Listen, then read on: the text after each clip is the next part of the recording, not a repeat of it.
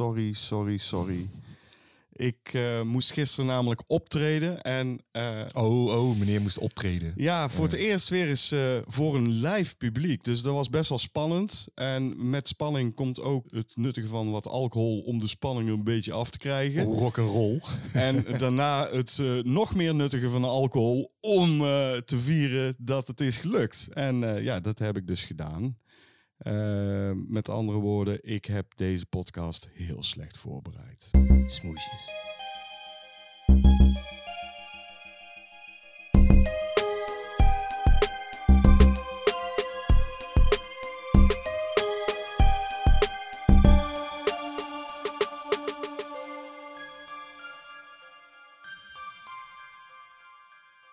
Filmrecensent Jean-Paul Arends, kom er maar eens in, joh. Hallo, ik ben eh, officieel filmrecensent. ik mag Jeetje. mezelf nu gewoon filmrecensent noemen. Het is ongelooflijk maar waar, maar we, we, worden eh, klaarblijkelijk opgepikt hè, door het een en het ander. Want eh, we zijn uitgenodigd door Spijkers met Koppen, het radioprogramma op NPO 2. Helaas kon ik er zelf niet bij zijn, maar jij, JP, kon er wel bij zijn. Ja, ik werd gebeld. Ik stond eh, in de supermarkt en, Ja. en toen kreeg ik... Hallo, met spijkers met kop. En dacht ik... mhm. Ja, dit is van Radio 2. Ik denk, oh, toch wel. Dus eh, nee, eh, of wij daar een kort eh itempje wilden verzorgen. Toen moest ik jou bellen en toen zat jij in één keer op, de, op een camping in België. Dat klopt. Ja. Voordat we doorgaan, dit, dit wijst er maar eens te meer op dat ik me heel slecht heb voorbereid. Want dit is de 22e aflevering van De podcast van Cinemaatjes. Ja, en ik zit hier dus met filmrecensent Jean-Paul Arends. Is, voor het eerst dat ik met een echte filmrecensent... eh, ja, jij had ook filmrecensent kunnen zijn dus. Het was zo'n kort itempje. Ik heb natuurlijk eh, ik heb het even Het geluisterd. was echt zo ongelooflijk snel. Niet normaal. Ja, het is Dolf Jansen, dus dan gaat het al sowieso in een rap tempo. En dit was echt van... En toen stond ik weer buiten. Ja, dat klopt. Zo ging het ongeveer. Ja, je mocht een paar filmtips geven. Dat was de vraag, of ik, of ik een filmtip wilde geven Ja. voor de zomer. Want alles gaat weer open. Ze vroegen natuurlijk aan mij... hey, eh, welke tips kijk je naar uit? En er waren twee films die niet deze zomer gaan draaien... maar gewoon echt ergens in september.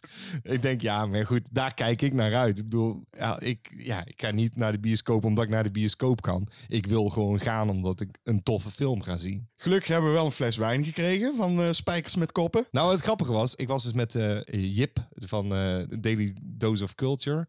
Die kreeg rosé. Oh. Die maakte die doos open en denk rosé. En denk, oh, nou, zal eens even kijken wat er in, in mijn doos zit dan. En denk, oh, Merlot. Alsof ze het wisten. Maar als ze een beetje onderzoek hebben gedaan, en dat hebben ze dus gedaan, want Mhm. ze zijn bij ons terechtgekomen hiervoor. Ja, ze hadden echt iedereen kunnen vragen. Wat een eer eigenlijk, toch? Ik vond het een hele eer en daarom heb ik het ook gedaan. Super vet. Wat het leuke daaraan is, dat we nu een origineel jingletje hebben, ingesproken door Dolph Jansen. En Ja. die laat ik nu eventjes aan jullie allemaal horen. Cinemaatjes, qua naam meteen al goed. Dat En die gaan we vaker... eh, die gaan we vaker Ah, eh, die laten gooien we horen. gewoon Ja, eh, te precies. pas en te onpas eh, in de podcast gewoon.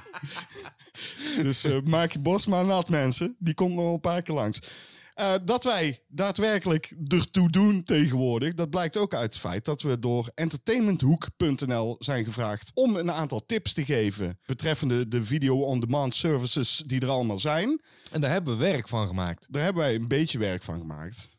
Ja, ik moet... Ja, nou wel. Ja, meer werk dan dat ik nu voor deze podcast heb gedaan in ieder geval. Nee, we, nee, ja, nee, ik was er wel trots op. Ik denk dat wij een hele leuke keuze hebben gemaakt eh, uit wat het aanbod is. Ja, Waar kun je dit zien? op entertainmenthoek.nl Oké. Daar eh, staan onze tips. Eh, en die tips die zijn dus eigenlijk eh, alleen maar van het aanbod wat onlangs is verschenen. Wat er ook toe doet, dat zijn wij als cinemaatjes. wij doen er ineens toe. Goeie Want, eh, ja, zal ik hem er nog een keer ingooien? Cinemaatjes, qua naam meteen al goed. Het is namelijk zo dat we ook weer, of in ieder geval ik mocht deze keer, weer eens meedoen met de Filmers Filmquiz. Ja, en dan, dan vragen ze jou nu voor een quiz. En dan, ben ik, ja, en dan dacht ik, oh kut. Ja. Ik had nu wel mee willen doen. Maar jij hebt het fucking goed gedaan. Ik ga, we gaan de uitslag niet verklappen. Nee, wel, doen wel. Jawel, oké. ik ben er hartstikke trots op. Ja, dat snap ik. Ik zat namelijk in de finale, gek. Ik was eh, eh, qua puntaantal tweede geworden. Achter Bram van Movie Gelul met vrienden. En toen kwam er dus een, een, eh, een finale tussen nummer 1 en 2. We, het scheelde maar één punt. Het thema was natuurlijk jaren 80, 90. Nou, dat is helemaal op jouw lijf geschreven, JP. Zeker met jouw fotografisch geheugen en namenkennis, jaartallen, alles. Maar het geluk was aan mijn zijde, want er waren best wel wat visuele vragen eigenlijk. En dat heeft mij gered. Je kan die hele filmquiz nog gewoon doen zelf, als je wil. En nakijken zelfs. En nakijken op het Filmers YouTube kanaal. En eh, ja, ik zou zeggen, ga dat gewoon doen. En dan kun je gewoon zien hoe ik me er eh, belachelijk heb je gemaakt. kunt zelfs meedoen. Ja, je kan meedoen. Je kan, Ja, je kan- kijk het en doe mee. En Ja. kijk hoe je, of je William kan eh, Ja, verslaan. precies. Daar wil ik, ben ik wel eens benieuwd. en dan laat je het even weten. Ja, Ja, dat zouden we ja. leuk vinden. Ik ga in ieder geval nooit meer vergeten dat eh Lilu eh, het eh, personage in The Fifth Element is. Dat wou ik zeggen. Ik wil eigenlijk nog één ding noemen. Namelijk het feit dat eh, onze Patreon van Hoof... Dat is een maatje op onze Patreon-pagina. Patreon.com slash cinemaatjes. Kun je ook maatje worden. Krijg je allerlei leuke extra content en shit. En oh, korting eh, eh, had je gekregen als je t-shirt had besteld. En daar gaat het om. Daar gaat het om, want Patreon van Hoof die, eh, is ook een soort van Jack Sparrow lookalike. Captain Jack Sparrow. Oh ja, shit. Oh god. Oh, hij zal wel weer boos zijn. Maar eh, ja, dat wisten wij van tevoren. En hij had een shirt besteld. En toen hebben wij, die, die hebben we in, in meerdere podcasts hebben gezegd, kom op Patreon. Eh, waar blijft die foto ja. van het shirt met Jack Sparrow? Ja, en, ja. ja, ja, ja. en toen is onze grote vrolijke Patreon aan de slag gegaan. En hij heeft het niet gelaten bij alleen foto's. Nee, hij heeft zelfs een filmpje gemaakt. En dat filmpje hebben we volgens mij op onze Facebookpagina facebook.com slash cinemaatjes gezet. Cinemaatjes, qua naam meteen al goed. Dus als je daar heel erg benieuwd naar bent, hij heeft echt zijn best ervoor gedaan. Ik vond het fantastisch. Ik vond het ook ja, echt ik ben hier fantastisch. heel blij mee. Ik er ja, vrolijk van. eh, Echt eh, gewoon eh, helemaal voldaan aan onze wens en meer. Ja, veel meer zelfs. Ja. Geweldig, geweldig.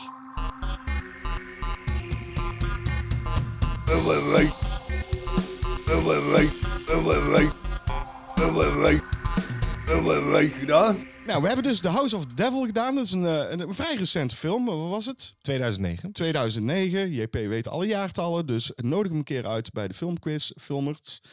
Ehm, en eh, dat, eh, die film oogde helemaal niet zo recent. En dat maakte die film heel bijzonder, vond ik. Oh mijn god. Niet Hier- normaal. Dit, klopte, al, alles klopt hierin. Ja. Eh, en wat daarin opviel, was de hoofdrolspeelster. Die klopte zelfs helemaal. Ja, maar dan heeft dus de regisseur Ty West enorm goed zijn best gedaan om zelfs dat kloppend te krijgen. Dat hoofd van haar, die Jocelyn Donahue is het volgens mij, Jocelyn Don- Donahue. Ongelooflijk goed gecast, want ook die vriendin Ja, was precies. zo goed. Ik denk, oh, dit klopt gewoon echt. Ik, je zou, wat jij op een gegeven moment zegt, als je dit aan niemand laat zien en zegt, dit is een film die jij nog niet hebt gezien uit de jaren 70 of hè, zo, zo begin jaren 80, Ja. dan trap je daarin. En ja, dan heb je het echt goed gedaan, gewoon als, als filmmaker. Het zag er niet alleen jaren 70, 80 uit, maar ook de verhaallijn was jaren 70, 80. En De manier, de, de snelheid waarop het verteld wordt, het camerawerk, alles, eh, daar is rekening mee gehouden. En dat, dat valt gewoon op. En dat blijft je dan ook bij. Ja, precies. Ehm, we hebben nog iets gekeken. Repulsion uit 1965 van Roman Polanski. Dat was een bittere pil. ja, dat was een klassieker van de Criterion Collection. En dan ga je natuurlijk, eh, ben je meteen op je hoede. Denk je, nou, dit, eh, dit is eh, een feestje. Hè? Dit wordt een filmisch wonder. Dat is het. Het nadeel van deze film is, denk ik, dat het gewoon geen prettige film is om naar te kijken. En dat is niet ten nadele van de film. De film is namelijk ongelooflijk goed gemaakt. En ik snap alle facetten die erin zitten. Ik, het camerawerk is goed. Het ziet er echt uit als een plaatje. Maar het is gewoon zo'n naar verhaaltje. Het, is, het gaat over een vrouw die wat eh, vervelende ervaringen heeft gehad, kennelijk, met mannen. En daar walgt ze van. En dat wordt versterkt, want ze wordt op een gegeven moment alleen achtergelaten in huis. Ze woont samen met haar zus. En dan wordt ze langzaam eh, een beetje krankzinnig. Kijk, het is een Criterion Collection film. Daar gaan we het later nog een keer over hebben in deze podcast. Ehm, maar eh, dat wil niet zeggen dat je meteen een goede film te pakken hebt. Maar wat het wel wil zeggen is dat er een bepaalde hoge kwaliteit aan de film zit. Eh, je komt echt niet zomaar in die collectie terecht met je film. Nou, ik denk dat de Criterion Collection ook gewoon zoekt naar unieke stukjes film. En deze is zeker uniek te noemen en ik ga hem zeker niet afvallen. Wij hebben hem niet als eh, aanbeveling eh, gegeven, maar dat is gewoon naar meer omdat het niet past in een, een vrolijk filmavondje. Nee. Dit is een film die je echt wel moet kijken, want daar ben ik het volledig mee eens. Alleen, ja, weet je wel, eh, ga, ga niet met, met zes vrienden en een bak chips en een eh, fles cola eh, gezellig deze film kijken, want daar wordt niemand vrolijk van. Helemaal niemand. Nou ja, wij werden er ook niet bepaald vrolijk van. Maar ik werd wel vrolijk van de cinematografie en... Alles. Eh, ja, het ziet er fantastisch uit wel. Dat moet ik eerlijk toegeven. Dat heeft Polanski echt wel goed gedaan. Eh, de film heeft echt wel een, een, een cinematografische waarde. eh, waardoor die eigenlijk ook daadwerkelijk niet voor niks in zo'n collectie en, en eh, de 1001 eh, films you must have seen before you died lijst staat. Want ja, dat is het gewoon wel. Het is een film die je wel gezien moet hebben. En Ja, dat vind ik ook. ik ben blij dat we hem gedaan hebben. Zeker, want anders zou ik in mijn eentje denk ik dat ik bij de beschrijving waarschijnlijk had afgehaakt. En laat wel wezen, nu we er toe doen, hè, blijkbaar, is het ook wel van belang dat we dit soort films ook af en toe doen. Ja, het sluit mooi aan. Nu, nu, nu kunnen we ons eh, wel eh, serieus eh, noemen. precies. Voordat we aan het nieuwsitem beginnen, zal ik nog het nieuwsitem jingletje erin gooien of... Doe maar een nieuwe, want wat, wat, wat, mm. Ja, dit sluit beter aan, die nieuwe Ah. jingle. Oké, ik heb een nieuwe jingle gemaakt eh, omdat we niet echt nieuws bespreken, maar gewoon dingen bespreken die we hebben gezien of gelezen op het internet. En dat is gewoon gaaf en interessant. Daar komt ie. Het is echt, godverdomme, ik heb toch eens, eh, godverdomme iets kei interessants gelezen op internet deze week. De menu. Jawel. ja, het is gewoon kut jingle. Weer een kut jingle. Nou, daar gaan we weer jaren mee doen. Waarschijnlijk. tuurlijk. Eh, d- dus, Dat is de bedoeling. eh, eh, heb jij iets eh, interessants gelezen op Ik het heb internet? zeker iets interessants gezien. Mag ook, hè? Of gelezen. Is het alleen gelezen? Nee, je mag ook kijken. Oké, gekeken dan in dit geval. Ja. Ik heb een trailer gezien waarvan ik dacht, ja, wil ik wel zien. Eh, Van de film Hm. eh, Tick, Tick, Boom. Met eh, Andrew Garfield in de hoofdrol. Ja. En het deed me een beetje denken aan eh, eh, Under the Silver Lake. Oké. De premisse is heel tof. Hij hoort een tikkend geluid constant. Eerst Oh, denkt jee. hij dat, hij dat, dat wordt een soort musical. En op een gegeven moment denkt hij, nee, er zit een mysterie achter dat geluid. Want hij hoort het constant. Oh. Dus tik, tik, als een bom die af lijkt te gaan. Mhm. En in de trailer is het ook, dan gaat hij er steeds dieper op in. Want hij hoort het overal. Sluit echt heel mooi aan bij Repulsion ook, waar je continu dat getik hoorde. Ja, maar in dit geval was ik om. Ik dacht, dit lijkt me echt een gave film. Als die gaat draaien in de bioscoop, zou het wel eens kunnen dat ik eh, eh, push eh, voor een eh Oh. cinemaatjes. Cinemaatjes, qua naam meteen al goed. Gaan we weer eens een keer naar de bioscoop? Ja, lijkt me wel een, dit lijkt me wel een leuke, eigenlijk. En ik heb hem niet eens afgekeken, want ik ben klaar met het helemaal kijken van een trailer, want dan verklappen ze te veel. Ik heb hem stopgezet, halverwege, toen dacht ik, ja, ik ben om. Ja, ik heb die dus nog niet gekeken. eh, want ik heb me heel slecht voorbereid op deze podcast. Wat ik wel heb gezien, wederom nieuws over de Toxic Avenger eh, reboot, denk ik dat het is. Ja. Het is namelijk zo dat Kevin Bacon gaat daar de villain in spelen. Op de een of andere manier word ik toch steeds psychter ervoor. Ik krijg er gewoon bijna zin in, in Ja, deze weet je wat het is? Het is gewoon een Toxic Avenger. Dus eh, hoe dan ook, ook al was het een klotige eh, remake, er hangt al Toxic Avenger aan. Ja, dan heb je mij al. Ja. Ik, ik was sowieso benieuwd.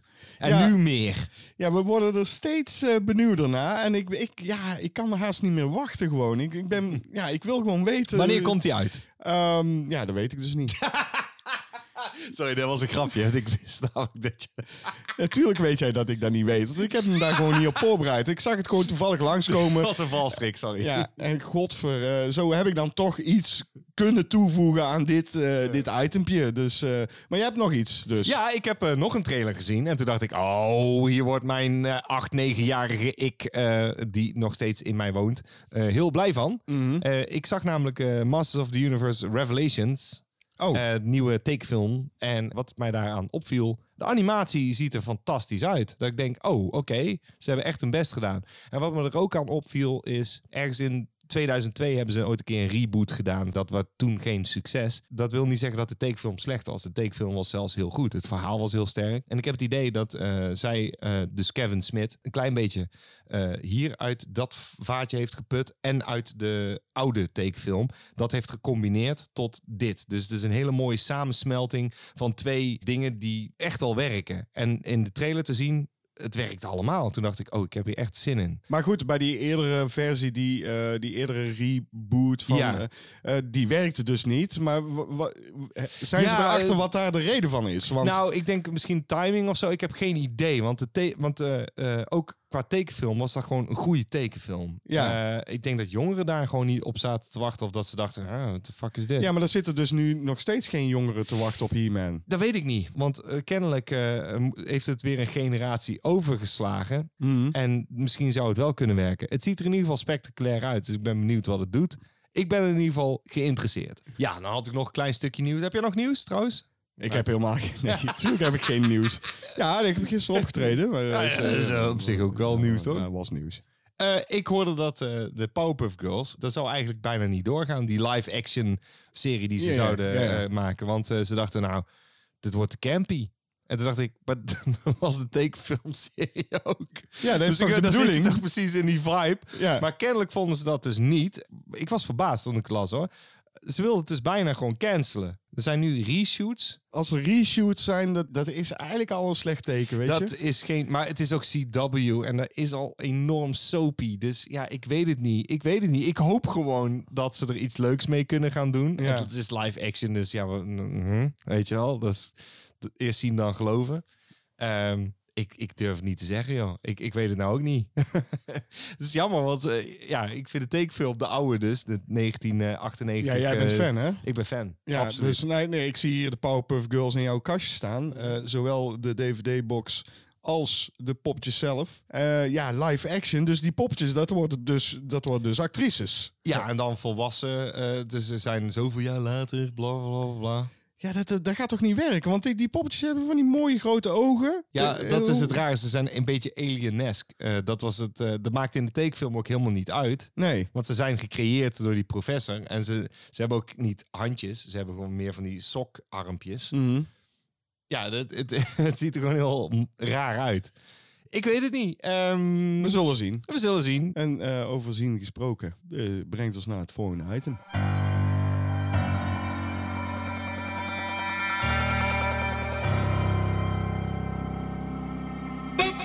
Je nou in godsnaam weer gezien? Nou, of we nog iets gezien hebben. Heb Nou, jij nog eh, iets gezien, Klokie? Zal, ik zal eerst even beginnen met het volgende. Dat heb ik verteld in de vorige podcast. Dat ik eh, de Blu-ray eh, van Sleepaway Camp heb besteld. Hij kwam binnen. Ja. Helemaal blij. Ik oh, psyched als een motherfucker. Eh, ik heb een eh, PlayStation 4. Ik denk, nou, daar kan ik Blu-rays op afspelen. Dit, is, Ja! dit is maar serieus mijn allereerste fucking Blu-ray. Ik heb Ja. geen Blu-rays. eh. dus ik was helemaal psyched. Ik stop die Blu-ray erin. En wat denk je? Ja, dat was eh, een andere regio. Dus ik kon hem niet afspelen. Nou is het natuurlijk zo dat ik eh, nog wel een DVD-speler heb. Die ik nauwelijks meer gebruik. Dus die moest ik helemaal weer aansluiten. En die DVD-speler die is ook niet regiovrij. Maar je kan dus met een of andere vage code. Dan moest je het laadje open doen. Moest ik code intoetsen. Dan kon ik, kon ik hem regiovrij maken. Klinkt En- bekend dit. ja, ja. En nou blijkt het dus zo te zijn dat die Blu-ray-box die ik had besteld, daar zat dus ook een DVD in met alles erop. Dat is heel gaaf dat ze dat hebben gedaan. Vind ik De- echt heel tof. Dus ja. ja, wat had ik gedaan? Ik denk, nou, dan ga ik hem ook testen of hij het doet. En toen heb ik dus de Regio 0 editie van eh Sleepaway Camp aangezet. Ja, en voor je het wist eh, had ik hem afgekeken, JB. Dus ik heb Sleepaway Camp gekeken. Ik wil het daar nou eigenlijk niet over hebben, want die hebben wij uitgebreid besproken in onze cinematische review. Cinemaatjes, qua naam meteen al goed. En ik denk dat we hem nog wel een keer uitgebreid gaan bespreken in eventuele special of zo. Dat denk ik wel, want eh, de- deze heb ik ook heel hoog zitten. Dus Ja. ik vind het heel leuk dat jij... eh, Ik ben jaloers op jouw eh, bestelling. Maar goed, dat terzijde. Daar gaan we een keer een special aan wijden. Hé, hey, dat rijmde. Over rijmen gesproken. Ja, dit, dit verdient de enige inleiding. Vroeger, toen was jij een DJ, hè? Ja, En toen, oh, toen, toen was jij DJ Kliko. klopt. En eh, het leuke is, eh, William heeft een bijnaam door vrienden. En dat komt namelijk omdat eh, hij moest optreden, en dan hebben het echt over twintig jaar geleden, Alleen in de krantenaankondiging hadden ze zijn naam verkeerd gespeld. Eh, DJ Kliko was gespeld als Kloki. Toen ik aan het draaien was, kwam Thijs, was dat toen geloof Ja. ik, met het krantenknipseltje uitgeknipt uit de krant. Kwam die naar mij toe, terwijl ik aan het draaien was. en ik ging iedereen laten zien. Ja, vanaf toen eh, is iedereen mij Kloki gaan noemen. Maar dat ruimt dus ergens op. Ja, dus ik heb gekeken naar eh, Loki Kloki. Oh, wat erg. ja. Eh, Loki is een serie, toch, JP? Vertel. Ik denk zelfs dat jij dit leuk gaat vinden. geloof Het, ik eh, ja, dat geloof ik wel. Nee, Eh, het niet. gaat over Loki die in de tijdlijn van de Marvel films in één keer wegtjoept. En dan wordt hij door een Time Bureau gearresteerd. Ja. Want dat was niet de bedoeling. En eh, eh, hij, hij denkt dat hij nog zijn krachten kan gebruiken. Die heeft hij niet. Hij wordt in één keer geconfronteerd met allerlei... Op dat Time Bureau is, gebeuren allerlei leuke zaken. Maar hij eh, komt in contact met Owen Wilson. Hij, hij weet Loki te behoeden voor vernietiging. En hij zegt, nee, nee, nee, jij gaat met mij mee. Want we zitten met een andere zaak te kijken. En dat is een eh, zaak die, eh, daar heb ik jou bij nodig, denk ik. Voordat de rechter beslist dat eh, Loki gewoon veroordeeld moet worden, weet hij hem weg te snaaien. Ja. Want Loki is Ik ben, ik ben je nu voor... echt al kwijt, hoor. Ja, Loki, oké. het, is- het, het is het heel dat bureau ziet eruit als de jaren 70, jaren 60 eh, eh, ding. Tijd staat daar stil. Er is een moord gepleegd ergens in de middeleeuwen en dat heeft Loki gedaan. En ze hebben nu Loki uit een andere tijdlijn nodig om te kijken waar, hoe, wat, wat is hier gebeurd. Oh mijn god. Eh, gaaf. Ik vond, ik, vond het, eh, vond het zeer intrigerend. En de chemie tussen die twee was fantastisch. Ja, dat werkte gewoon heel goed. Ja, heb je enig idee waar dit heen gaat? Ik heb geen fucking flauw idee. Want ze zeggen namelijk ook dat alles wat er binnen die tijdlijn gebeurt, maakt niet zoveel uit. Het, alles heeft een vast pad. Dus er zijn bepaalde zaken die er gewoon moeten gaan gebeuren. Volgens mij komt Loki er ook achter van... het heeft dus eigenlijk ook vrij weinig zin om mij hier tegen te verzetten. Maar het zou dus ook zo kunnen zijn dat hij is nu, wordt nu gekoppeld aan Owen Wilson. Het draait dus om tijdlijnen. Hij kan eruit weggeplukt worden. Dat hij ineens in een andere tijdlijn met een andere speler moet. eh, Dat zou best wel eens kunnen. Ik Ook- heb geen idee waar ze naartoe willen, maar ik vond dit wel een interessante serie. Want het doet een beetje denken aan eh Doctor Who zelfs en eh, aan eh, Quantum Leap. Al dat soort eh, ideeën zitten erin. Dit ziet er interessant uit en ik denk dat de keuze eh, leuk is. Eh, ik moet het nog eh, verder kijken. Maar het heeft Eh, eigenlijk helemaal niks met Loki te maken. Dus Jawel, eh, hij is eh, nog steeds eh, de God of Mischief. En eh, hij is zeg maar heel intelligent. Dus hij weet ook op een gegeven moment wel dingen af te pakken en te doen. Want hij is Loki. Dus hij eh, weet echt wel mensen te manipuleren. En dat lukt hem ook binnen dat bureau. Van, oh shit. Ja, hij is niet achterlijk. Maar dat is Owen Wilson dus kennelijk ook niet. Daarom Ja. werkt het. Ja, ik heb iets over Owen Wilson trouwens. Eh, ik- Oh, ik- wauw. Ik, ik kan heel weinig inbrengen in dit gesprek verder. Maar wat ik altijd heb als ik Owen Wilson op het scherm zie, dan denk ik, die heeft een rare neus. Hij heeft een deukje in zijn neus. Ja, Dat klopt. Daar, daar kijk ik ook de hele tijd naar. Ik word daardoor afgeleid altijd. Maar ik moet zeggen, ik ben geen, eh, ik, ik ben geen hater van, van Owen Wilson. Ik vind Owen Wilson geen, eh, geen slechte acteur. Echt niet. Nee, ik ook niet per se. Het, het jammer is wel dat hij, eh, hij heeft een periode gehad dat hij zichzelf een beetje haat, hè? Dat zou kunnen, is dat zo? Ja, hij heeft echt in een diep dal gezeten, hoor, Owen Wilson. Oh, dan ben ik heel erg blij dat hij gewoon nu een hele leuke rol vertolkt in deze serie. You can trust me. Loki, I've studied almost every moment of your entire life. You've literally stabbed people in the back like 50 times. Why never do it again? Eh, ondanks dat ik niet per se van superhelden houd, moet ik wel toegeven dat ik een soort van superheldenfilm heb gekeken. Wat? Ja, ja, ja. De vorige podcast had ik eh, natuurlijk verteld dat ik Split had gezien. Ja, van, ja, eh, ja. M. Night Oh, Shyamalan. ja. Dus toen kreeg ik zo ontzettend de neiging om eigenlijk meteen Glass of Glass erachteraan te kijken. Maar toen dacht ik, ja, dat kan ik nou wel doen, maar dat is ook zonde. Eh, want als ik hem nou bewaar en ik wacht heel eventjes, dan kan ik hem in de volgende podcast bespreken. Dus bij deze, ik heb eh, Glass uit 2019 van M. Night Shyamalan gekeken. Dit is dus de derde film in de reeks Unbreakable, Split en dan Glass. In Split leerden we dus al die Kevin Wendell Crump kennen. Eh, man met meerdere persoonlijkheden die zich eigenlijk klaarmaakte voor de komst van zijn 24ste persoonlijkheid. Het beest. Het beest. En eigenlijk in zijn geheel, eh, met al die persoonlijkheden, eh, wordt hij de Horde genoemd. eh, ja, door de mens.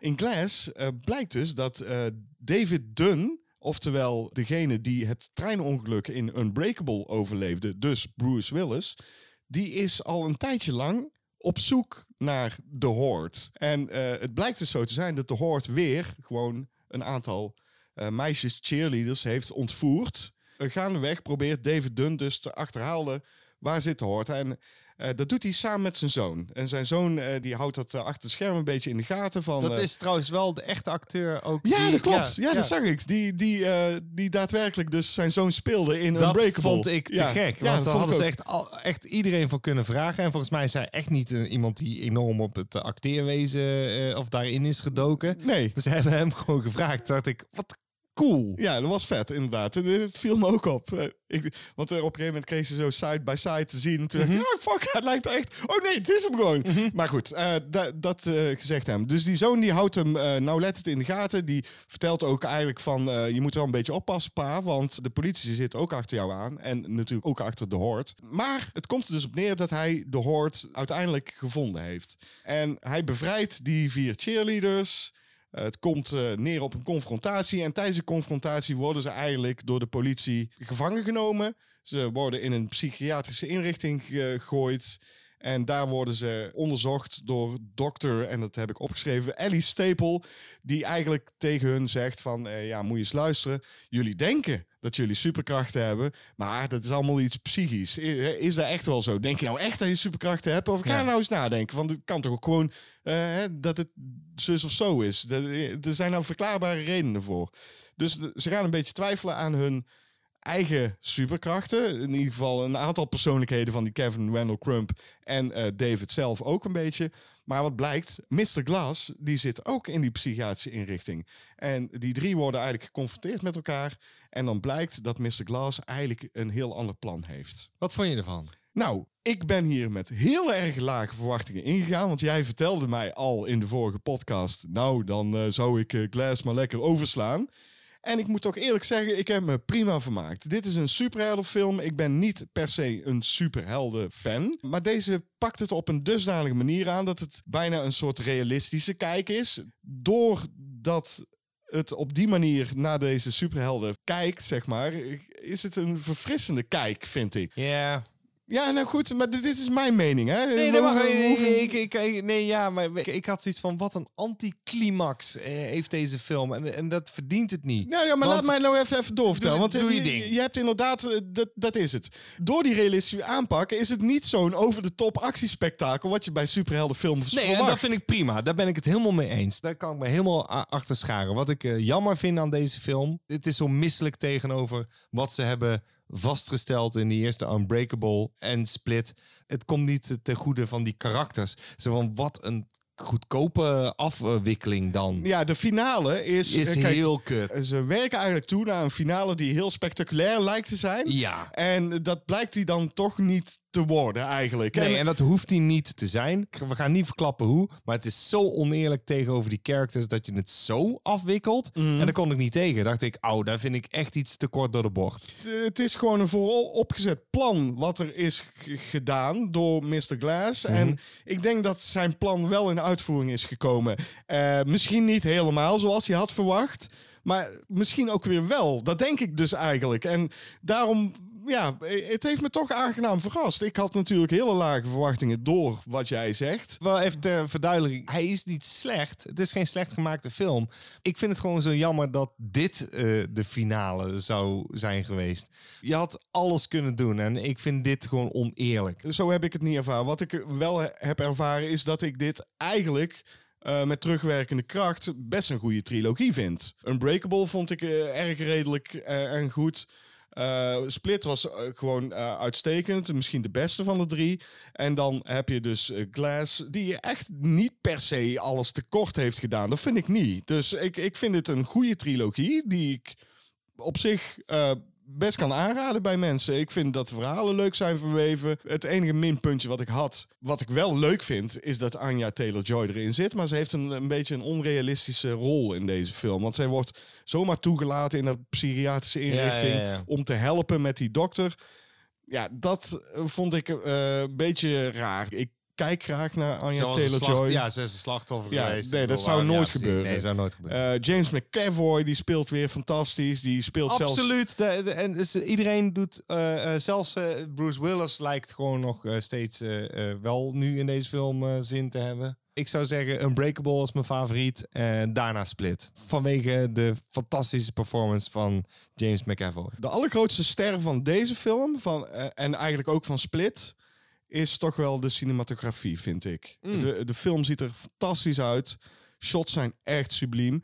Eh, het is wederom dezelfde cinematograaf, namelijk Mike Giolakis, die ook It Follows heeft, eh, heeft gedaan. Ja. Eh, hij, heeft, hij heeft ook Us gedaan, had ik gezien. Maar ik ga hem in de gaten houden, want die gast heeft wel echt oog voor beeld.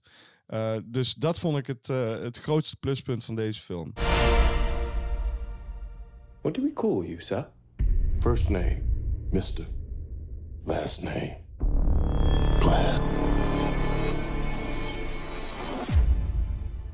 Ik heb niks anders meer gekeken. Nee. Oh jawel, ik heb wel iets eh, gekeken. Eh, en er waren de batterijen niet bij inbegrepen. Oh, grappig. Hey, hey. Ik dacht jeugdsentiment. Ik ga weer eens een keer eh, beginnen aan eh, iets wat ik vroeger heb gekeken. Ja, zeg het maar gewoon in het Ja, Engels. batteries not included. Ja, maar Ja. je kan wel gewoon... Ja, nee, nee, oké. Er waren een paar to-go-to video's die ik vaak ging huren. Ja, ik heb deze zeker vier of vijf keer gezien op die manier. Dus. Ja. Maar ik had hem sindsdien nooit meer gezien. Ik was aangenaam verrast. Eh, Het, het gaat over een, eh, een wijk waarin alles gesloopt wordt. Want eh, er is een, natuurlijk een bad guy, een rijke iemand. Die gaat daar een hele grote flat neerzetten. Dan heb je één pand en daar zitten allerlei mensen in. Die worden geïntroduceerd in het begin van de film. Eentje, die hebben een oude diner, is een- oud stelletje. En de vrouw is dementerend. En die verwacht nog elke keer dat de zoon terugkomt. En dan heb je een oude man, eh, die is ja, een beetje mopperkont. Dan heb je een kunstenaar, een zwangere vrouw en een, eh, een bokser die niks eh, zegt. En die wonen allemaal in dat gebouw, maar die worden er uitgejaagd door Carlos. En op een gegeven moment verzucht dat oude paar van... was er maar iemand die ons kon helpen. En dan komen er in één keer twee UFO's, een soort miniatuur UFO's, komen aan vliegen. En die, die komen dat gebouw bezoeken. En die hebben als superkracht dat ze dingen fixen. Dus alles wat eh, Carlos eh, met zijn knokploeg kapot heeft geslagen, fixen ze. En iedereen zegt, what the fuck happened? En dan wordt het een heel schattige film waarbij eh, natuurlijk een hele hoop gebeurt. Maar ook bij deze film valt gewoon op. Characters is dus heel belangrijk. Die worden gewoon heel goed uitgediept. En wat mij ook al viel aan deze film, ondanks twee iets wat shoddy special effects, de rest van de special effects zijn zo ongelooflijk goed.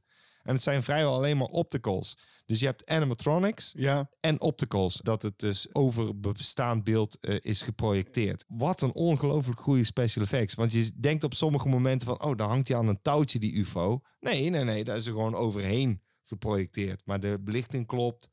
En ze hebben zoveel moeite gestopt in die ufo's, zeg maar. En het is gewoon heel schattig. Het is gewoon een hele ontroerende film. uit welk jaar is deze film, JP? Oké. Uit 87, denk ik.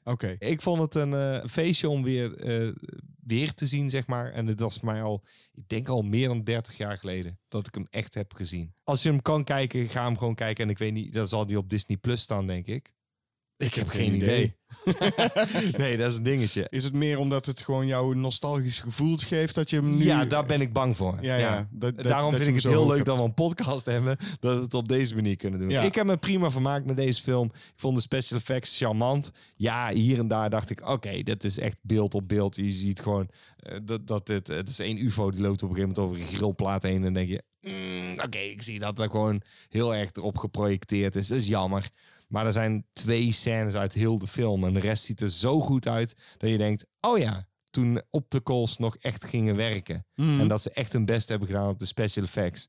Nee, dat verraste mij en eh, dat had ik niet verwacht. En ik vond het verhaal ook gewoon heel charmant.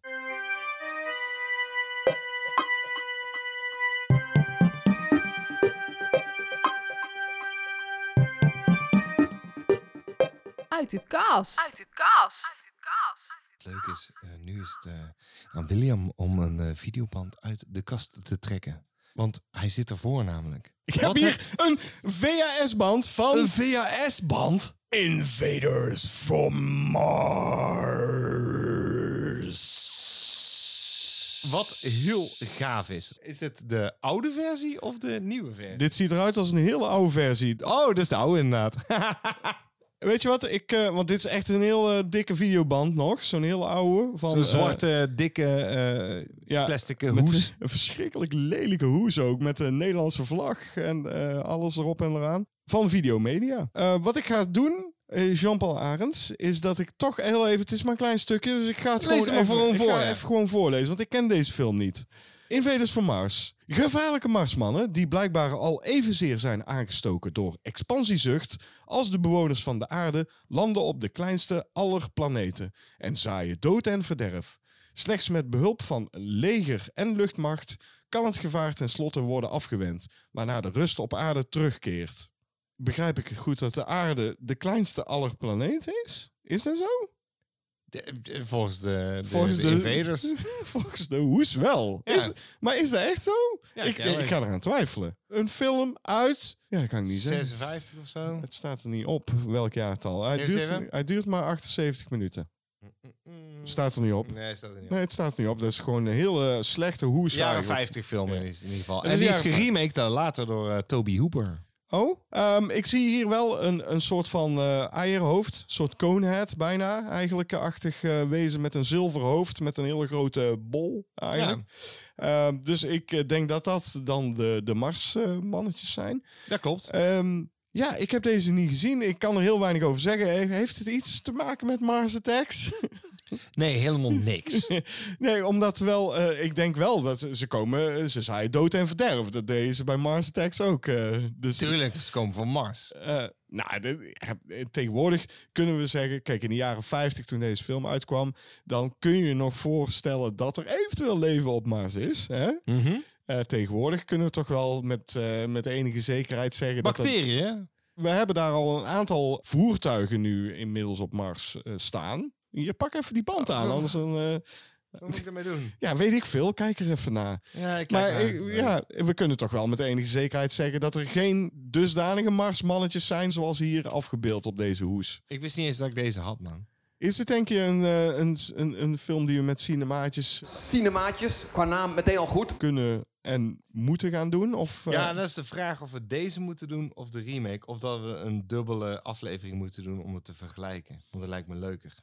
Dat lijkt me dan ook leuker. Dus, eh, hou ons in de gaten, want eh, wellicht gaan we dat gewoon doen. Ja, ik kan hier niet zoveel over vertellen. En ik heb het idee dat JP er ook niet heel veel over kan vertellen. Nou, Dus het raar is, ik heb deze niet gezien, maar wel de remake. je hebt hem wel op videoband. Heb je die gekregen of heb je die zelf gekocht? Eh, ik heb deze volgens mij van een meimarkt. Dat houdt in een rommelmarkt. Een Dus, rommelmarkt, eh, Een Tilburgse rommelmarkt midden in de nacht. En toen verkochten ze allemaal oude videobanden. En toen dacht ik, wauw, oké, ik neem er even een zooi mee. Ik snap dat je dat eh, doet. Eh, ik, ik zou ook geïnteresseerd zijn. Ja, Zelfs met zo'n lelijke hoes. het is Want- ongelooflijk. We gaan er een foto van maken Ja. en die komt op Instagram. Want het is echt een ongelooflijk lelijke hoes. nou goed, eh, we- misschien gaan we eens een keer vergelijken bij de Invaders for Mars. En, eh, Ja, laat weten of je dat leuk lijkt. Want eh, daar ben ik dan ook gewoon benieuwd naar. Van als je deze podcast hebt gehoord van... Ja, dat lijkt me leuk, dat moet je gewoon doen. Ja. Doe dat dan. Laat dan even weten.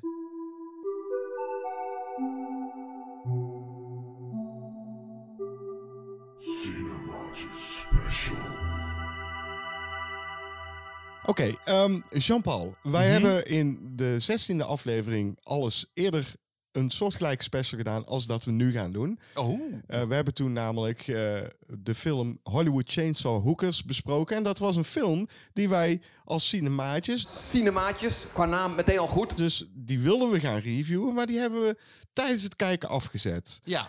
In deze podcast gaan we een, een film die we ook hebben afgezet alsnog bespreken. Ja. Nu is het verschil tussen Hollywood Chainsaw Hookers en deze film eigenlijk best wel heel groot.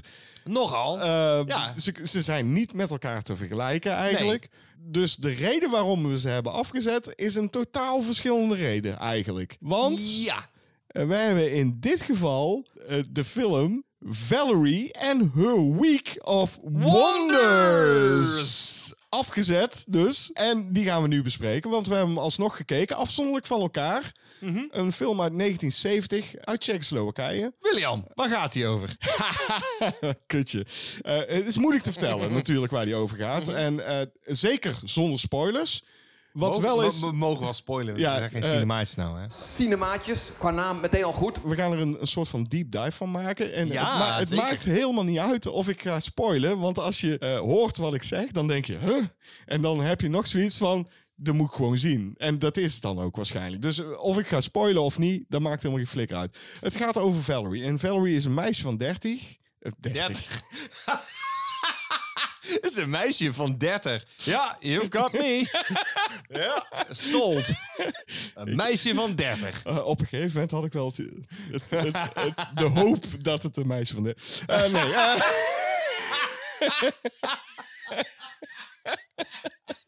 Heel fout dit. I know.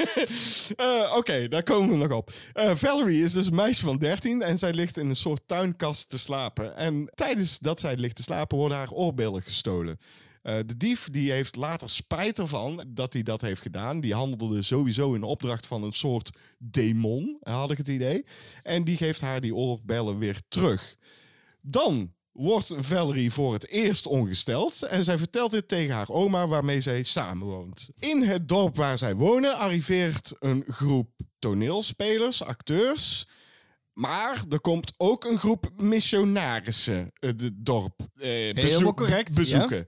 Eh, Valerie op haar beurt kijkt heel erg uit naar die groep acteurs. Daar is zij heel erg psyched over. Terwijl haar oma zegt, ja, maar die missionarissen zijn eigenlijk veel belangrijker. Want zoals je weet blijft, net zoals elk jaar, een van de missionarissen bij ons logeren.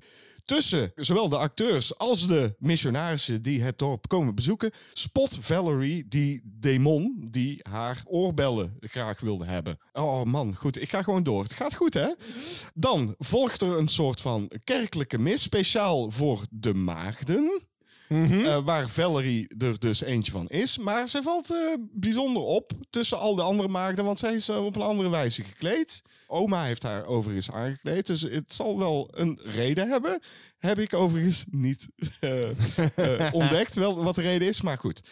De demon die lokt Valerie mee naar zijn kerker en laat haar zien dat die oma zich stort op een van die missionarissen. Dus die missionaris die bij, bij hun logeert. Ja, ja, ja. Eh, die missionaris op zijn beurt, die zegt... ja, maar eh, ik heb er geen zin meer in, eh, oma, want je bent gewoon te oud voor mij. Wat doet die oma dan? Want die wil eigenlijk helemaal niet oud worden. Die sluit een pact met die demon...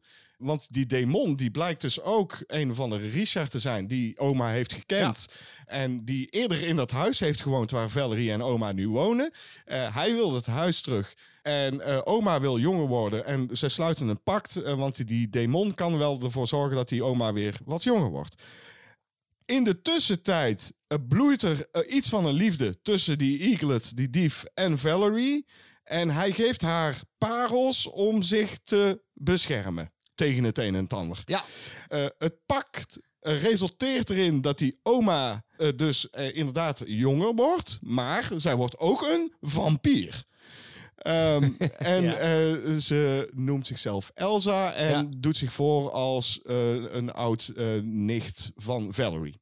Klopt allemaal nog. Klopt allemaal nog. Ehm, zowel Elsa als de demon als die Eaglet, de dief, eh, willen eigenlijk allemaal iets van Valerie. Eh, dat is Valerie and her Week of Wonders. dat is eh, helemaal correct. En dan heb ik hem nog redelijk spoilervrij verteld. Ja, maar ik weet niet, want volgens mij mogen we best wel eh, spoilen, denk ik. Tuurlijk, Ik want, weet niet, want deze films- dit is eh, wat een vage film. Ja, ik, eh, wa- wat ik had eh, tijdens het kijken van deze film is... eh, Oké, we hebben hem afgezet voor cinemaatjes. Cinemaatjes, qua naam meteen al goed. En de reden is eh, omdat hij dus zo apart is. Nu in hindsight zou ik zeggen, eh, we hadden hem best wel kunnen doen. Maar dan weet ik, nou, dat weet ik niet.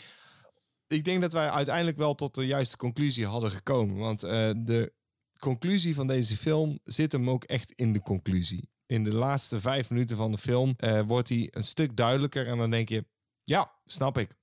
Ja. Want als jij hem 10 minuten voor tijd afzet, dan denk je, nou, dit is de vaakste film die ik ooit heb gezien. Raakt kant nog wel. De, het gaat van scène naar scène naar scène. Eh, elke keer denk je, zitten lapses eh, in, in, in, in tijdverschuiving in. Dat je denkt, hè? Eh, die was net dood en Die nou weer dood, nou is weer levend. levend. Ja, What the ja. fuck is going on? Maar als je helemaal de film uitkijkt, denk je... Nee, nee, nee, dit is eigenlijk allemaal vrij duidelijk. En dat vond ik dus ook. Wat volgens mij de grootste reden is dat wij de film hebben afgezet, is dat dit gewoonweg geen film is om met je vrienden te kijken. Nee. Ik vergelijk deze film met een bewegend schilderij, wat jij gaat bekijken in een museum. En Ja. je bent geobsedeerd, gefascineerd door dat schilderij. Je zit dus één uur en een kwartier te kijken naar een schilderij. En op het moment dat je dat allemaal in je hebt opgenomen, ga je weg en dan ga je erover nadenken. En dat is wat deze film met je doet. En dat is niet iets wat je met iemand per se moet delen of hoeft te delen. Nee. Dat is ook de reden waarom wij hem hebben afgezet. Want het is echt niet zo dat deze film er niet goed uitziet. Deze film ziet er fantastisch uit. Ja. Eh, sowieso, de art direction in deze film is eh, spot on. Als in, als jij een filmliefhebber bent, dan is dit de film die je wil zien. Alles is zo mooi in beeld gebracht. De kostuums zijn fantastisch. De performances, voor zover je kan beoordelen, zijn allemaal gewoon perfect. Het oogt allemaal als een plaatje, dus daar ligt het allemaal niet Nee, aan. nee. De film is eh, vaag. Maar is hij zo vaag? Want uiteindelijk denk je bij jezelf... Hmm, nee, nee, nee. Ik denk wel dat ik wel dingen kan verbinden. En zelfs als je dat niet kan... dan is dit zo'n film die, als je die gezien hebt... kun je het na afloop... en daarom is zo'n special zo leuk... kun je erover discussiëren van... wat zag jij erin? Wat, Ja, ja. Wat, wat, wat vond jij daarvan? Want ik dacht eigenlijk eh, de eerste keer dat wij hem... De, ook toen we hem afzetten... dat is ook een van de redenen geweest... van dit zou best wel eens heel pretentieus kunnen zijn. Ja, En dat zou het kunnen zijn. dat was het ook. Zeker. En, bedoel, nee, maar tot, tot, tot, tot die laatste, dat, dat mag ik zeggen. Ja. Tot die laatste vijf minuten. Want tot die tijd had ik echt zoiets van... Nou, kijk, eh, ik zat die film dus te kijken in mijn eentje met een kater. Ik heb, ik, ik heb pas vanochtend gekeken. Mhm. En wat eigenlijk deze film van je verwacht, is dat jij het verhaal en, en de beelden en alles wat verwerkingstijd geeft. Dat heb ik dus niet per se gehad. Maar wat jij zegt, op het einde wordt wel het een en ander duidelijk. En ik denk ook wel dat ik wel een paar dingen kan aanstippen wat ik denk dat de regisseur ermee bedoeld heeft. Maar na, toen ik 20 minuten in de film zat, toen moest ik aan jou denken. Toen dacht ik, oei, oei, oei, ik heb het toch wel met JP te doen. Want Ja, ik had hetzelfde. Ik zat te kijken gisteravond dus. En toen dacht ik... ja. Het is eh, de- wederom, we- eh, wat we al eerder hadden gezegd, een eh, Criterion Collection film. Geregisseerd door Jaromil Gires. Ja, klopt. Dus dat betekent dus.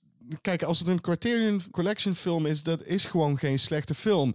Wat het wel inhoudt, is dat het niet per se een film voor iedereen is. En dat is Nee deze film. Deze film is echt niet voor iedereen.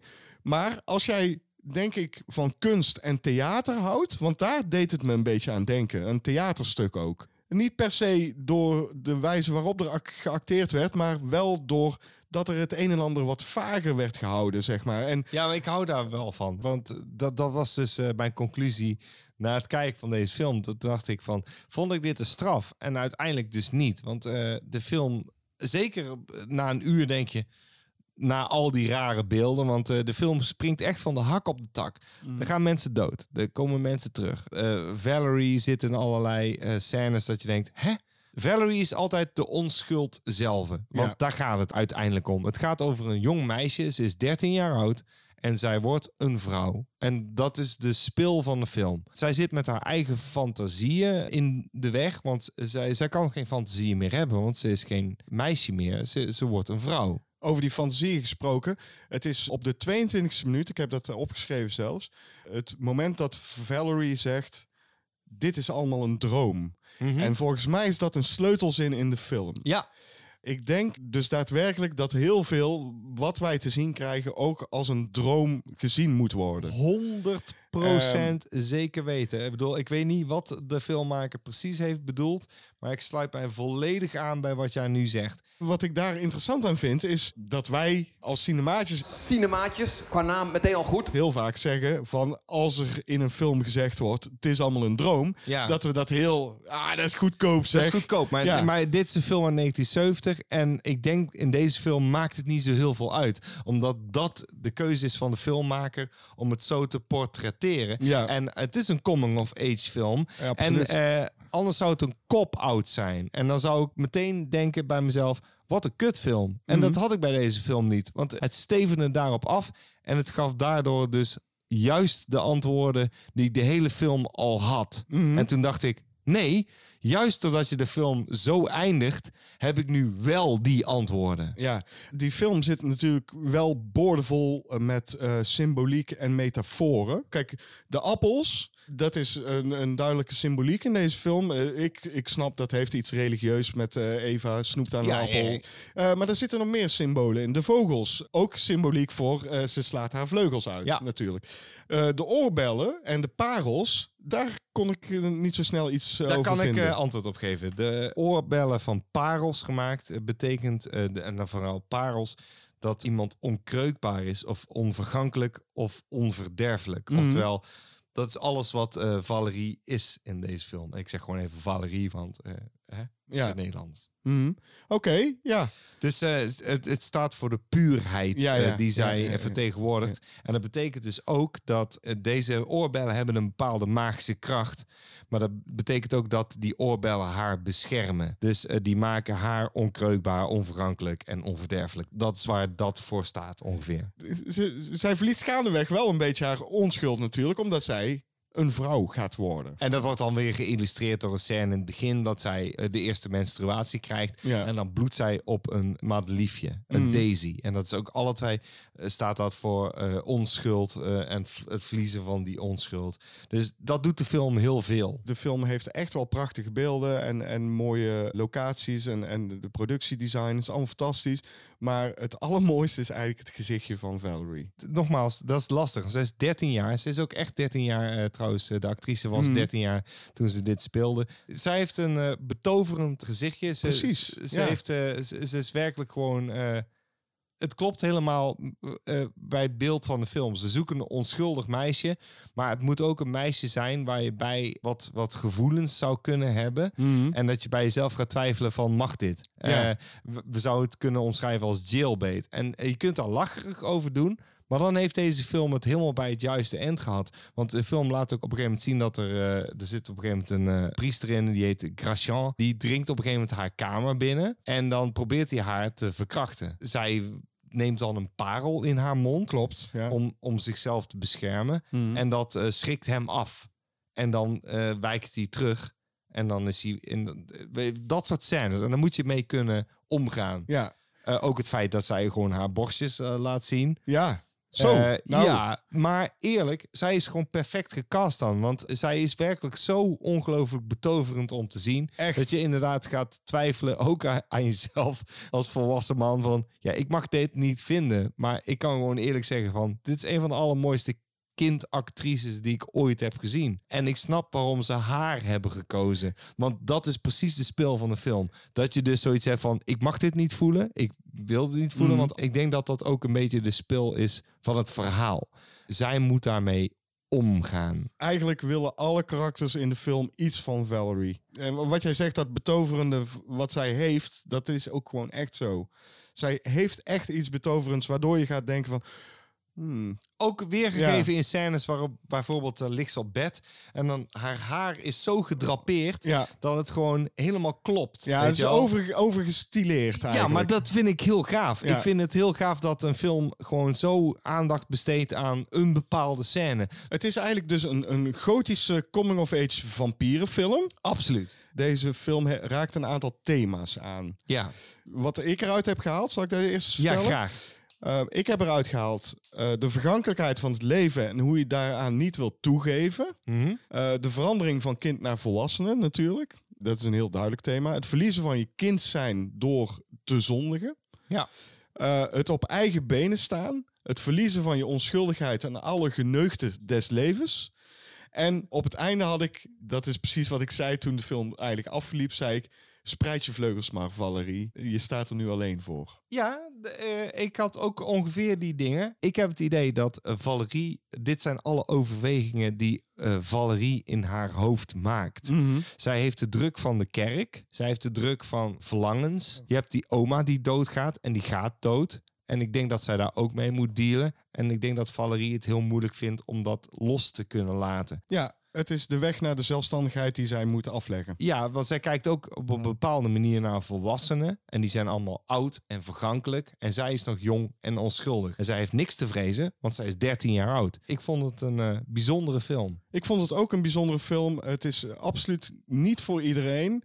Eh, ik ben blij dat ik hem wel gezien heb eigenlijk. Zeker. Ik, eh, ik vond het een eh, hele intrigerende film. En het had echt wel een cinematische aflevering kunnen zijn. Cinemaatjes, qua naam meteen al goed. Maar aan de andere kant, hé, hey, daar hebben we ook een podcast voor, toch? Zo is dat. Vragen, vragen, vragen. Je kunt het aan ons vragen in de vraagbak. Eh, Oké, eh, we hebben dus weer een shitload aan vragen gekregen. Zoveel... shitload aan vragen! Ja, het zijn er weer zoveel dat we er een aantal hebben apart gezet. De meeste zullen nog wel behandeld worden. Sommige worden zelfs een special, dus bereid je voor op allerlei dingetjes. Ja. Eh, we gaan gewoon gelijk door, want we moeten ook een beetje...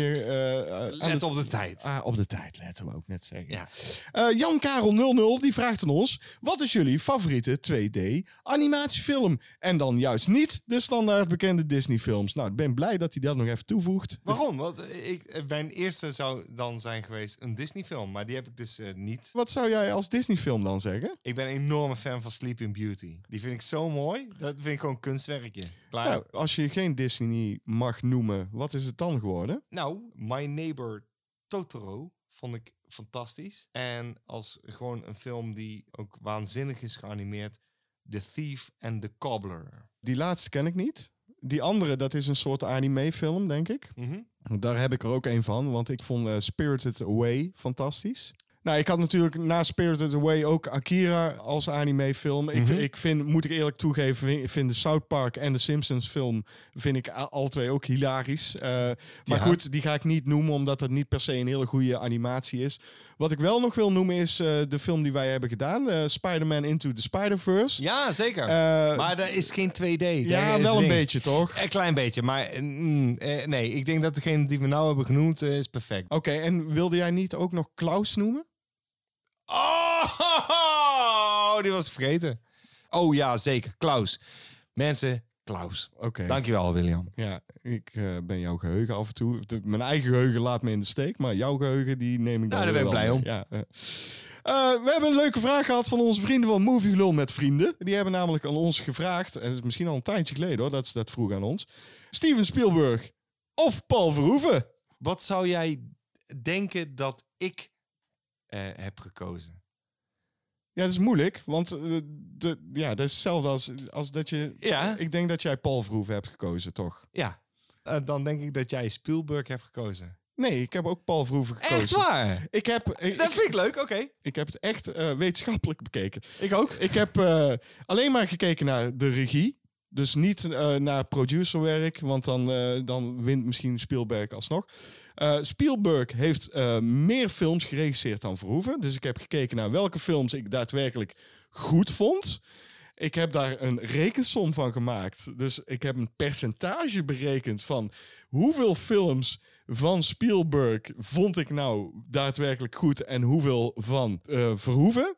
Eh, ik kwam op 12% van de films van Spielberg. En dan noem ik Jurassic Park, Empire of the Sun, E.T., Indiana Jones. En dan alleen de eerste. Die, de rest hoeft voor mij allemaal niet. Close Encounters of Third Kind. Jaws natuurlijk. En Ja. Jewel. Ja, die had ik ook staan. Ja. Eh, ik kom op 25% van de films van Paul Verhoeven. Namelijk L, Starship Troopers, Showgirls, Basic Instinct, Total Recall, Robocop, Spatters, Turks, Fruit. Dus ik kom op die manier tot deze percentages. Ja, en voor mij was het dus ook eh, Verhoeven. En wel om de volgende reden. Ik vind eh, eh, Spielberg gaaf. Maar ik vind dat hij de laatste jaren enorm teleurstelt. Eerlijk, als ik dan ga kijken van waar kijk ik naar uit? Als Paul Verhoeven, en zeker met die, met die trailer eh, van Benedetta is dat. Toen dacht ik, ja, daar ben ik geïnteresseerd in. En als eh, Spielberg iets uitbrengt, dan denk ik, weet ik niet of ik daar zin in heb. Ondanks het feit dat eh, Steven Spielberg echt een fantastische regisseur is. Daar is hij absoluut. En eh, ook echt onderdeel van mijn jeugd. Maar Verhoeven weet mij nog gewoon te verrassen. En ik denk dat dat de reden is waarom ik eh, Verhoeven zou kiezen. En je mag er ook best een beetje patriotisme in stoppen. Want het is gewoon wel een Nederlander. Come on, laten we wel wezen. Tuurlijk. Eh, en daar daar mag je best trots op zijn. Wat het wel is, denk ik, als je gaat, puur gaat kijken naar film, de film, dan wint Spielberg. Want ik denk dat Jaws de beste film is van alle eh, wat zij hebben gedaan. Oh ja, zeker. Maar dan beoordeel je het op één film. Ja. En daar ben ik het mee eens. En daar zat, dat, ik heb het ook opgeschreven, Jaws en Duel. Zo, ja, maar ja, eh, Paul Verhoeven heeft gewoon eh, eh, iets meer speling erin Ja, zitten. consistenter. Ja, zo van, oké, hij heeft Robocop en Starship Troopers, maar die, die zitten in dezelfde lijn. En die zijn allemaal echt super vermakelijk. Absoluut. Absoluut fucking leuk. Beide, alle twee geweldige regisseurs, maar als ze dan toch moeten kiezen, en voor mij is Verhoeven. Voor mij ook. Levi P. Ja, ik ga het niet doen. ik zat erop te wachten. You know, Levi P, yeah, you know me. Eh, ja, die heeft weer eens een vraag gesteld aan ons. Op onze Instagram pagina instagram.com slash cinemaatjes013. Cinemaatjes, qua naam meteen al goed. Daar kun je dus ook vragen stellen. Eh, en daar kun je allerlei dingen zien. Dat is gewoon kei grappig. Eh, hij vraagt aan ons, wat zijn de films die jullie graag kijken met zomersfeer? Nou, dat is niet zo heel moeilijk, want die hebben we allemaal al gedaan met cinemaatjes. Cinemaatjes, qua naam meteen al goed. Toen we dachten van, oh fuck, zo warm. Eh, Ja. Wat past daarbij? En toen kwamen wij eigenlijk tot de conclusie... Falling Down is de beste film die je kunt kijken als het zo fucking heet. definitely. Die heb ik ook opgeschreven, helemaal mee eens. Dus we hebben die al gekeken, we hebben die al gereviewd. Dus kijk dat even na op onze YouTube-pagina. Sterker nog, dat is zo'n film die ik gewoon bijna elke keer als het zo warm was, gewoon ben gaan kijken. Oh, komt Falling Down op tv? En dan heb ik het echt over twintig jaar geleden, hè? Absoluut dat Ja. ik hem dan ging kijken. Want dat sloot aan bij het weer. Ik zweet me helemaal kapot. Man, eh, echt gewoon eh, zweet op mijn rug. Ja. En dan kwam Falling Down op tv en dacht je... Ja, welke andere film moet je dan kijken? Ja, maar je, je zou dus ook eh, kunnen kijken naar eh, de vorige vraag. Je kan ook Jaws kijken in de zomer. Oh ja, ik. Het is zeker. ook een goede film om te kijken in de zomers. Eh, maar ik moet eerlijk zeggen, ik ben niet zo'n seizoensgebonden filmkijker. Dus wat dat betreft. Maar Falling Down is een ja. En ik heb ook nog uiteraard Spring Break. De volgende vraag is van Björn van Vught. En die vraagt aan ons: kijken jullie wel eens biografische films? En zo ja, welke film heeft indruk gemaakt? Blijf doorgaan met het mooie werk, zegt hij er ook nog bij. Ik vraag me ook gelijk af: geldt er ook dat je waar gebeurde films hierin mee kunt nemen? Biografisch, dus eh, eh, ja, dan, dan heb je het over een waar gebeurd, of in ieder geval een personage die bestaan heeft. Ja, op basis van een waar gebeurd of een bestaand persoon. Dat is biografisch. Maar goed, in, in sommige gevallen is een waar gebeurde film gaat over een gebeurtenis. Die wordt dan eh, bekeken vanuit een personage wat misschien helemaal niet per se iets met die gebeurtenis te maken heeft. Waar wil je heen, William? Ja, gewoon dat een, eh, een gebeurtenis is natuurlijk geen biografische film. Daar wil Nee, ik nee, er nee, dat klopt. Je hebt eh, biografische films. Kijk, ik, ik, ik noem even een voorbeeld. Als je bijvoorbeeld de film Spotlight, die vond ik echt wel goed. Die heeft ook een Oscar gewonnen. Die heb jij misschien niet gezien. Absoluut niet. Eh, dit vond ik een hele goede film, maar dat is niet per se een biografische film. Maar het gaat over een redactie van een krant die eh, onderzoeken uitgaat naar ehm, ja, mi- misdragingen in de kerk. Ja. En, en dat is een heel goed verteld. Eh, De personages zijn heel goed. Maar dat is geen. Is dan geen biografische film, denk Nee, nee, ik. biografisch is echt zuiver gewoon wel op waar gebeurde feiten Ja, maar dit is, dit is het. Dat is het wel. Da daarom. Is het, Mm, ja, nee, ja. oké, maar nee, ja, ja, ja, ja, Maar goed, er zijn er genoeg hoor. Nou, vertel maar wat jij hebt. Ik heb er een hoop op geschreven. Eh, de eerste uiteraard is eh, Goodfellas. Makes perfect goddamn sense. Dan, eh, oké, ook al is het gewoon niet kloppend, maar Cannibal, the musical, Errol Packard, uiteraard. En, en dit is het belangrijkste, ja, uiteraard. Fuck it, dat is gewoon een paar gebeurde dingen. Ook Ja. al is het gewoon eh, door een, een bepaalde lens verteld. Een andere, ook door de- zo'nzelfde komieke lens, Ed Wood. Ik kan het eh, eens zijn met jouw eh, dingetjes. Alhoewel ik Ed Wood eh, vond ik niet zo fijn om naar te kijken eigenlijk. Hoezo niet? Ja, nee, ik trok die film gewoon heel slecht. Ik, Oh ik mijn god, niet. dat vind ik een van de beste van... eh, Nee, maar, ja, van Tim Van Tim Burton. Burton, ja, ja. maar misschien, tre ik, misschien trek ik gewoon Ed Wood ook heel slecht. Ik denk dat ik Ed Wood ook echt heel slecht ga trekken. Dat, dat is een soort The Room voor mij, zeg maar. Dat, ik hoef, Oh. Dat soort slechtigheid hoef ik niet te zien, snap je? Oh, En- en bizar. want eh, eh, ik, vind, ik vind van Tim Burton vind ik dit zijn beste film. Dat mag jij vinden en Ja. Dat begrijp ik ook dat je dat Ja. vindt. En, eh, ik, ik snap dat mensen dit een goede film vinden. Dat begrijp ik heus wel. Alleen het trok mij gewoon niet. Ik wil noemen Walk the Line, die film die over Johnny Cash gaat. Ja. Eh, met weer een fantastische Joaquin Phoenix. Joaquin. sorry- Joaquin. Sorry, eh, Ruud. En het mooie is dat eh, Reese Witherspoon zit er ook in. Zij zingen ook daadwerkelijk in deze film. Dat vond ik, dat vind ik een noemenswaardige biografie. Ik ben gewoon ook fan van Johnny Cash. Dus daarom wilde ik hem noemen. Ik wilde nog wel een paar honorable mentions noemen. Ik ook. The Wolf of Wall Street. Die heb ik staan. Social Network. Ja, zeker. Capote. Eh, ja, heel goede film. Ja. Eh, Control vond ik heel goed. Van onze eigen Corbijn. eh, over Ian Curtis natuurlijk. En eh, Raging Bull wilde ik ook nog noemen. Oh, wauw, die heb ik ook staan. Had je nog kunnen noemen Dog Day Afternoon, Caligula en Patton. Han Leopold die vraagt aan ons... Als jullie een filmfestival zouden organiseren... Hoe ziet die eruit? Welke locatie? Wat draait er allemaal? En voor welke vibe kiezen jullie? Heel makkelijk, Theater Macabre, punt. We hebben het al een keer gedaan, Han. Eh, het was een eh, horrorfilmfestival in de 013. En dat hebben we gewoon gedaan. En dat was gewoon Theater Macabre. Dat was het. Zes films, twee zalen. Dat zouden we doen. En als ik het nou opnieuw zou moeten doen, doe ik het precies het fuckingzelfde. Als ik nu een filmfestival zou organiseren, zou het een echt cinematisch filmfestival zijn. Cinemaatjes, qua naam meteen al goed. Dan zouden we gewoon putten uit die 181 films die we al hebben behandeld. En daar onze top picks uit halen, denk ik. Gewoon. En daar kunnen we denk ik sowieso vier, vijf edities van maken al. Top picks. Ja, en dan, en dan, ja, nou, en zo noemen we het festival. Top, Top picks. picks. Duimpje worstelen. Hey! Hij heeft een grappige vraag gesteld, vind ik.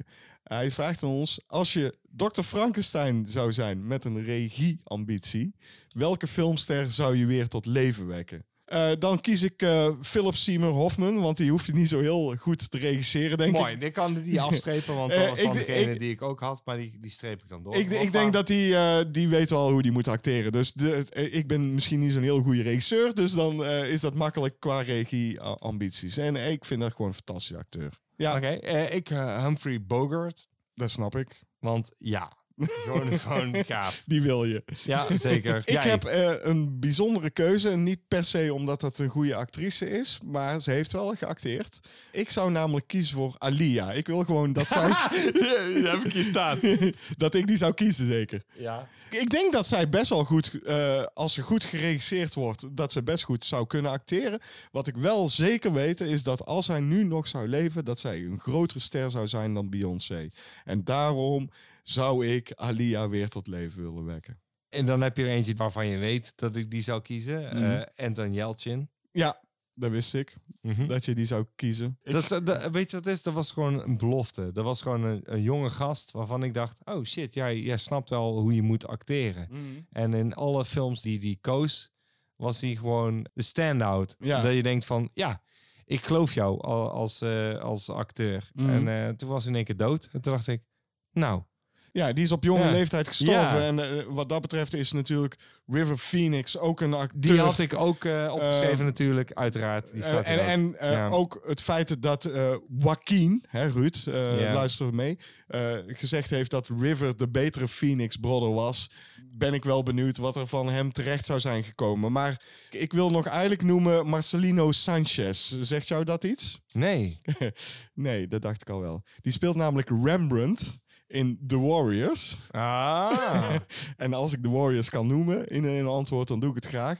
Het jonge mannetje, zeg maar, die eh, al die graffiti, eh, die, die overal Ja, ja, op spuit.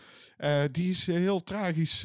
op een hele jonge leeftijd, 28, is hij om het leven gekomen omdat hij een AIDS-gerelateerd kanker had. En, dat, is- dat is dubbel pech. ja, dat is echt dubbel pech. En ik denk niet dat hij per se een goede acteur was. Maar van eigenlijk van alle acteurs in The Warriors is er niet één echt goed doorgebroken. En dan zou ik als regisseur zou me er hard voor maken om Marcelino Sanchez tot een topniveau eh, te regisseren. Ik eh, denk dat ik Andy Kaufman eh, nog wel in een gave rol had willen regisseren. Ja, dat is een goeie. Dat is Dus goeie. dat, Daar heb ik niet over nagedacht. Ik, ik wilde eigenlijk nog Bill Paxton en George C. Scott zeggen eigenlijk. Oh, heel goed. En eh Brittany Murphy, maar die zou ik heel ergens anders naartoe regisseren. Godverdomme sukkels. Het is tijd om af te sluiten. Oh nee. Adieu. Bonsoir.